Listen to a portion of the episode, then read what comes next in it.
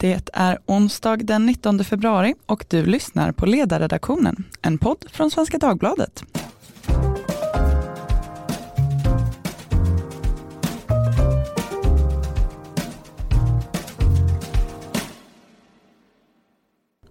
Jag heter Katarina Karkiainen och idag ska vi tala om rutavdraget. Rutavdraget är alltså den reform som möjliggör skatteavdrag på maximalt 50 procent av arbetskostnaden på hushållsnära tjänster. Själva namnet RUT står för rengöring, underhåll och tvätt och reformen genomfördes av regeringen Reinfeldt år 2007. Nu har jag alltså reformen några år på nacken. I januariöverenskommelsen ingår att reformen ska utökas men samtidigt får den kritik och har de senaste dagarna diskuterats livligt på flera håll. Bland annat så publicerade myndigheten Riksrevisionen igår en granskningsrapport som har blivit mycket uppmärksammad. Vad var tanken med reformen? Uppfyller den sitt syfte? Borde den utökas eller rent av tas bort? Och vad ska man generellt tycka om den här sortens avdrag?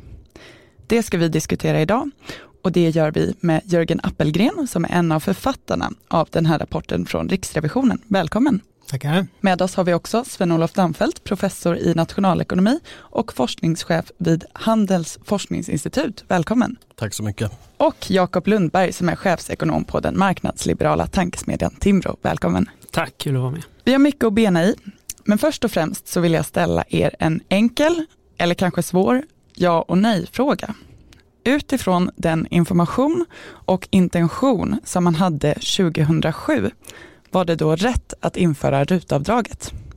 Vad säger du Jakob? Eh, ja, men med kvalifikationer som jag kan återkomma till. Tveklöst ja. Säger Sven-Olof. Och Jörgen? Alltså som representant för Riksrevisionen så har vi absolut inga åsikter om politiska beslut. Med det sagt så går vi då vidare. För att innan vi går in på de här svårare frågorna om rätt och fel och vad som har blivit effekterna, skulle jag vilja be den av er som känner sig mest manad att helt enkelt berätta, vad var syftena med rutavdraget? Kan vi säga att det är flera syften. Eh, ett syfte var ju att man ville att folk skulle kunna marknadsarbeta mer, specialisera sig. Istället för att du är väldigt kompetent kanske på någon viss sak så ägnar du mycket tid åt hushållsarbete. Om du då kan lägga ut det hushållsarbetet så kan du jobba mer med det som din kompetens eh, som gör att din, du utnyttjar din kompetens så mycket som möjligt. En annan var ju då att folk som stod långt från arbetsmarknaden skulle få ökade möjligheter att komma in på arbetsmarknaden. Sen pratades det också om ska vi säga, någon slags jämställdhetsfråga mellan kvinnor och män skulle ha lika, liknande möjligheter att bedriva familjeliv och arbetsliv. Jörgen, du som ju som vi sa har varit med och författat den här rapporten från Riksrevisionen som har fått mycket uppmärksamhet den här senaste dagen. Ni skriver ju i den att målsättningen har infriats i vissa delar. Vilka delar med rutavdraget är det som har gått som man ville? Egentligen är det en svår fråga att svara på för riksdagen var inte så tydlig med exakt vad man ville utan man hade en viljeinriktning. Vi ska gå åt det hållet. Men det fanns liksom inga mål, vi ska uppnå det eller vi ska uppnå det. Då kan vi väl säga att granskningen visar att folk som använder RUT eller delar av de som använder RUT har ökat sitt marknadsarbete. Åtminstone har de ökat sina inkomster. Så där har vi en ganska tydlig effekt. När det gäller folk som har, står långt ifrån arbetsmarknaden så kan vi väl konstatera att vi identifierar tre grupper. Den ena är inrikes födda där ser vi att det är ingen stor skillnad på hur det har gått för dem jämfört hur det har gått för en jämförelsegrupp som vi har. En slags tvillinggrupp som är likadan då, fast som då inte har börjat i RUT. Så inrikes födda så är det ingen effekt. Utrikes födda har vi en ganska tydlig effekt. Och den sista delen är att det är rätt många som har kommit från andra länder för att jobba här. Och den sista frågan, det var ingenting som fanns med i den ursprungliga propositionen eller i de tankarna. Så det är ett tillkommande element som, som inte fanns med i grundtankarna. Men ni skriver också att den dåvarande regeringens bedömning att reformen är självfinansierande på sikt saknar empiriskt stöd. Berätta, vad är det ni har kommit fram till? Vi har då tittat på effekterna av det här arbetet som, som eh, det här merarbetet som de som använder uttjänster, som köper uttjänster, vad det är. Och det har genererat liksom betydande ökade inkomster för dem och ökade skatteinkomster. Det är ganska små effekter när vi tittar på de som jobbar i branschen därför att de utvecklas inrikesfödda då likadant som jämförelsegruppen. Så det finns liksom inget extra mervärde där. Sen finns det ett visst mervärde för utrikesfödda. När vi lägger ihop de här två stora pusselbitarna i det hela så säger vi att det här räcker inte till. Sen finns det andra saker som vi inte har räknat på. Det är de mindre pusselbitarna. Och där kan vi säga att vi har valt att inte räkna på dem.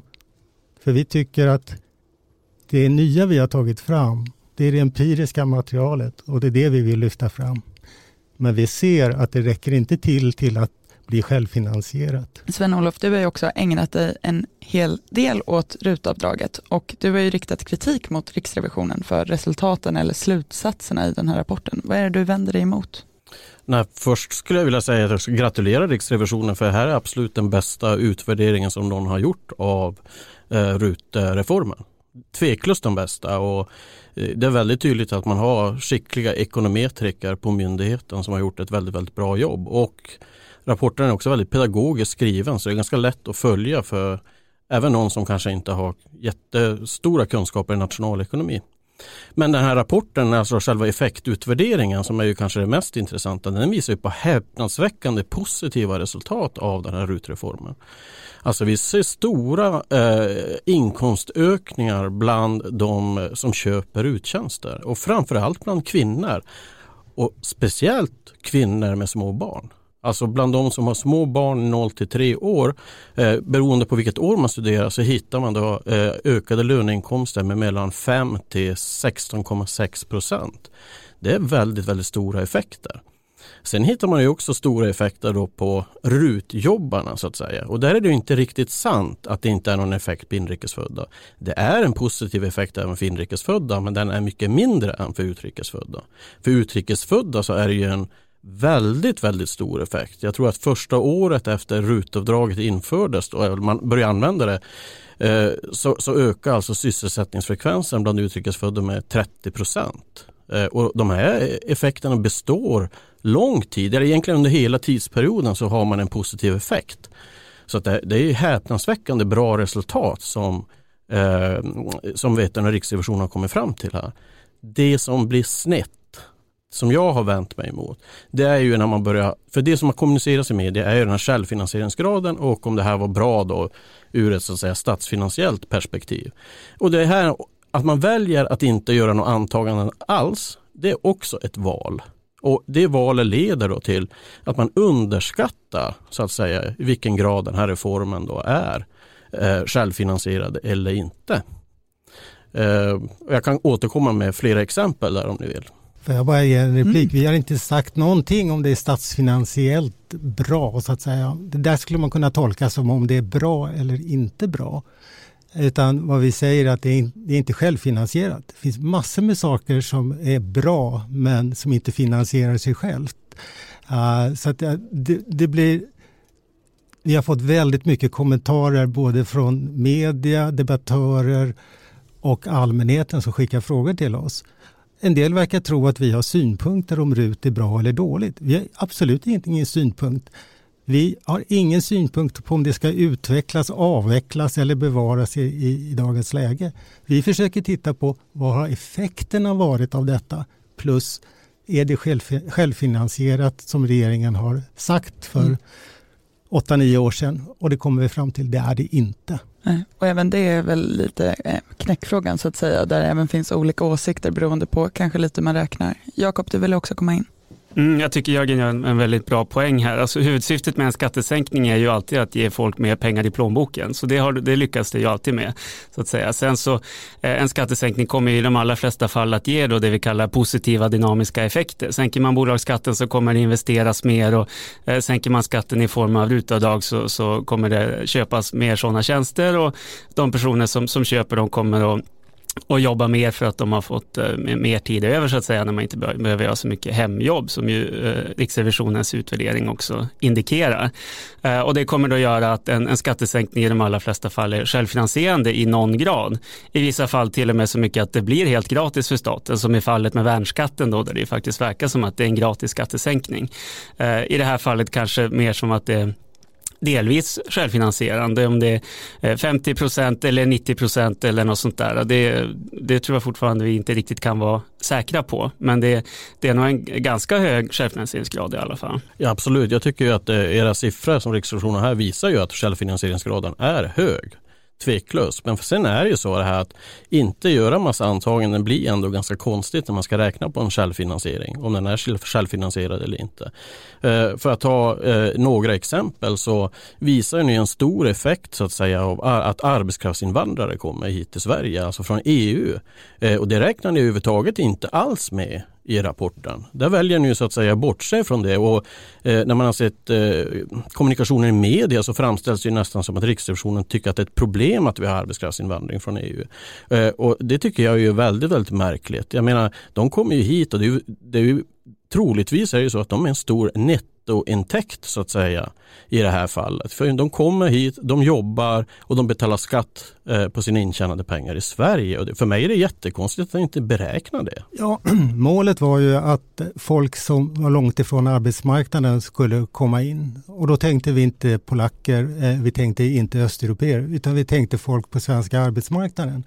Och vi konstaterar då att om de kommer från andra länder så blir det inte de positiva effekterna på den svenska arbetsmarknaden som vi hade tänkt. Sen kan det komma andra positiva effekter som de du nämner. Men att väga ihop detta kände vi att det har inte vi tagit fram något material om. Vi vill inte uttala oss om sånt som vi inte har tagit fram material om. Jag kan ta ett annat exempel. Den beräkningen som du var med och gjorde eh, och som jag såg att du hade kritiserat oss för att vi inte hade räknat på svartjobben. Det är ju helt rätt som ni sa att svartjobben har eller köp av svarta hushållstjänster har gått ner väldigt mycket. Och det räknar ni till godo till RUT.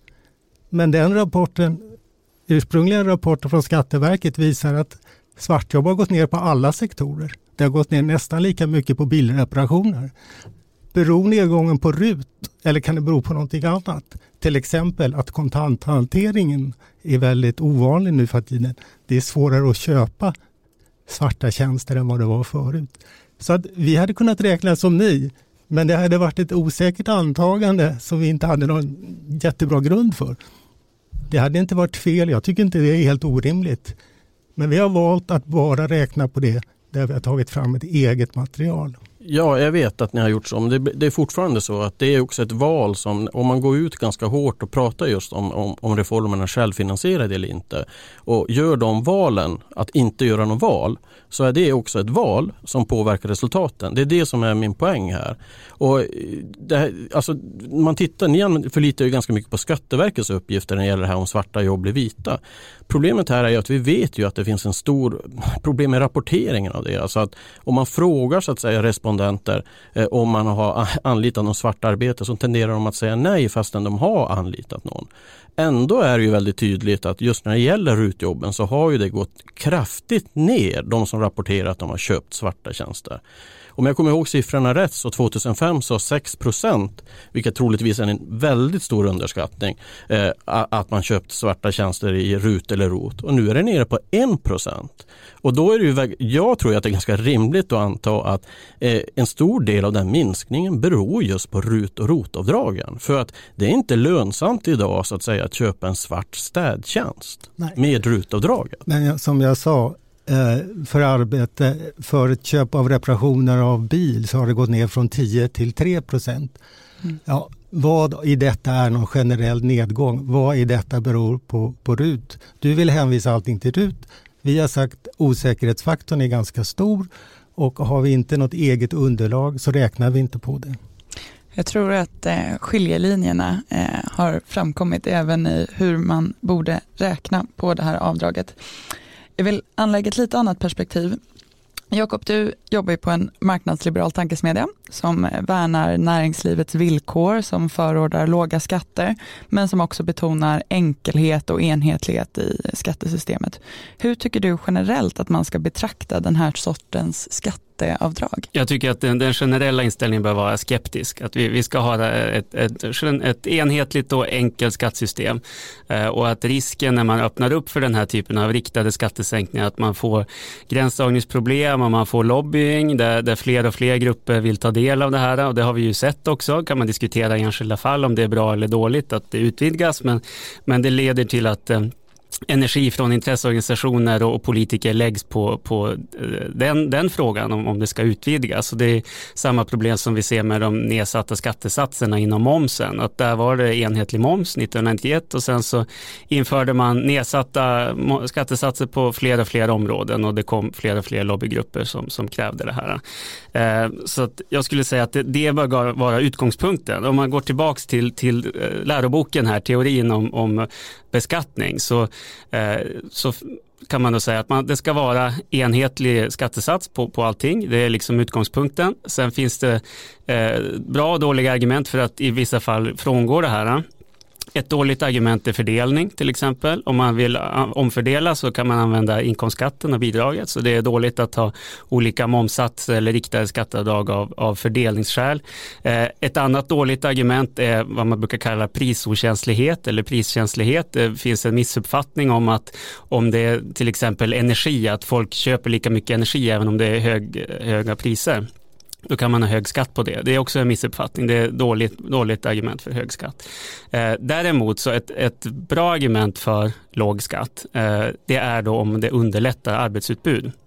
För vi har en, en inkomstskatt som gör att folk jobbar mindre än de annars hade gjort och då kan man ju tänka vad finns det för andra instrument som vi kan använda för att minska den här snedvridningen då som man säger för att så att säga minska de skadliga effekterna av inkomstskatten. Och då kan man då till exempel ha lägre skatt på den typen av tjänster som möjliggör arbete. Till exempel då att man hyr in någon hemma så att man själv kan kan arbeta med. Så det är ett teoretiskt skäl för att faktiskt ha någon typ av rutavdrag. Men jag tycker att man kan diskutera omfattningen, graden, ska det vara 50 procent, ska det vara högre eller lägre? Eh, och att grundinställningen bör vara skeptisk till den här typen av saker. Vill du komma in Sven-Olof? Jag kommer gärna in där. Jakob har ju naturligtvis helt rätt, men eh, på Timbros lever man ju ofta i en första bäst värld så att säga med inga eh, kollektivavtalssatta ingångslöner och mycket låga skattesatser. Och i den världen har Jakob Jakob helt rätt att då tycker väl jag också att enhetliga momsatser och enhetliga skattesatser eh, är ju det som man nu rent nationalekonomisk eh, så att säga, teori ska sträva efter. Men problemet är att vi lever ju inte i den världen. Vi lever i en, en second best värld eh, där ingångslönerna är relativt höga inom många branscher eh, och vi har väldigt höga skattekilar på olika saker, bland annat då på den här typen av arbeten. Och det är ju därför som eh, rutavdraget har frigjort tid framförallt för kvinnor med hemmavarande barn att öka sitt arbetsutbud. Eh, jag, jag, håller med om det argumentet att när Sverige har så här väldigt höga marginalskatter så, så kan det finnas skäl att ha den här typen av, av nedsatta eh, skattesatser även om man, man ska, ska nog vara skeptisk generellt som sagt. Sen så förhoppningen är att på lång sikt så kan vi ha så pass låga skatter att man ska inte behöva ha den här typen av, av nedsatta skattesatser och avdrag. Ja, jag kan inte låta bli att kommentera. Jag hade en eh, kommentator någon gång som pratade för en förening som hette någonting som ja, kontentan var i alla fall att skatterna skulle vara låga och jag frågade hur har det gått? Ja, vi har varit här sedan 1918 sa han, det har inte gått så bra. lång sikt är väl bra men ja. vi får nog hantera det kortare sikten först. På den noten, utifrån, utifrån de syften som fanns med rutavdraget, bland annat då att göra svarta jobb vita och att få fler lågutbildade i arbete, hade man kunnat göra någonting annat om man då inte ville införa ett sånt här avdrag på de här tjänsterna? Jag, jag tycker att det här var ett bra avdrag. Alltså. Det tycker mm. att Riksrevisionen visade också i sin studie. Alltså. Sen hur, vilken grad av självfinansiering det har det är ju nä, nästan en, egentligen en mindre fråga när man ser alla de positiva sysselsättningseffekter det har. Att man har bland de här marginaliserade grupperna, alltså det stora utanförskapet vi har i Sverige, alltså kostnaderna av att ha folk inte i arbete är väldigt, väldigt stora på lång sikt.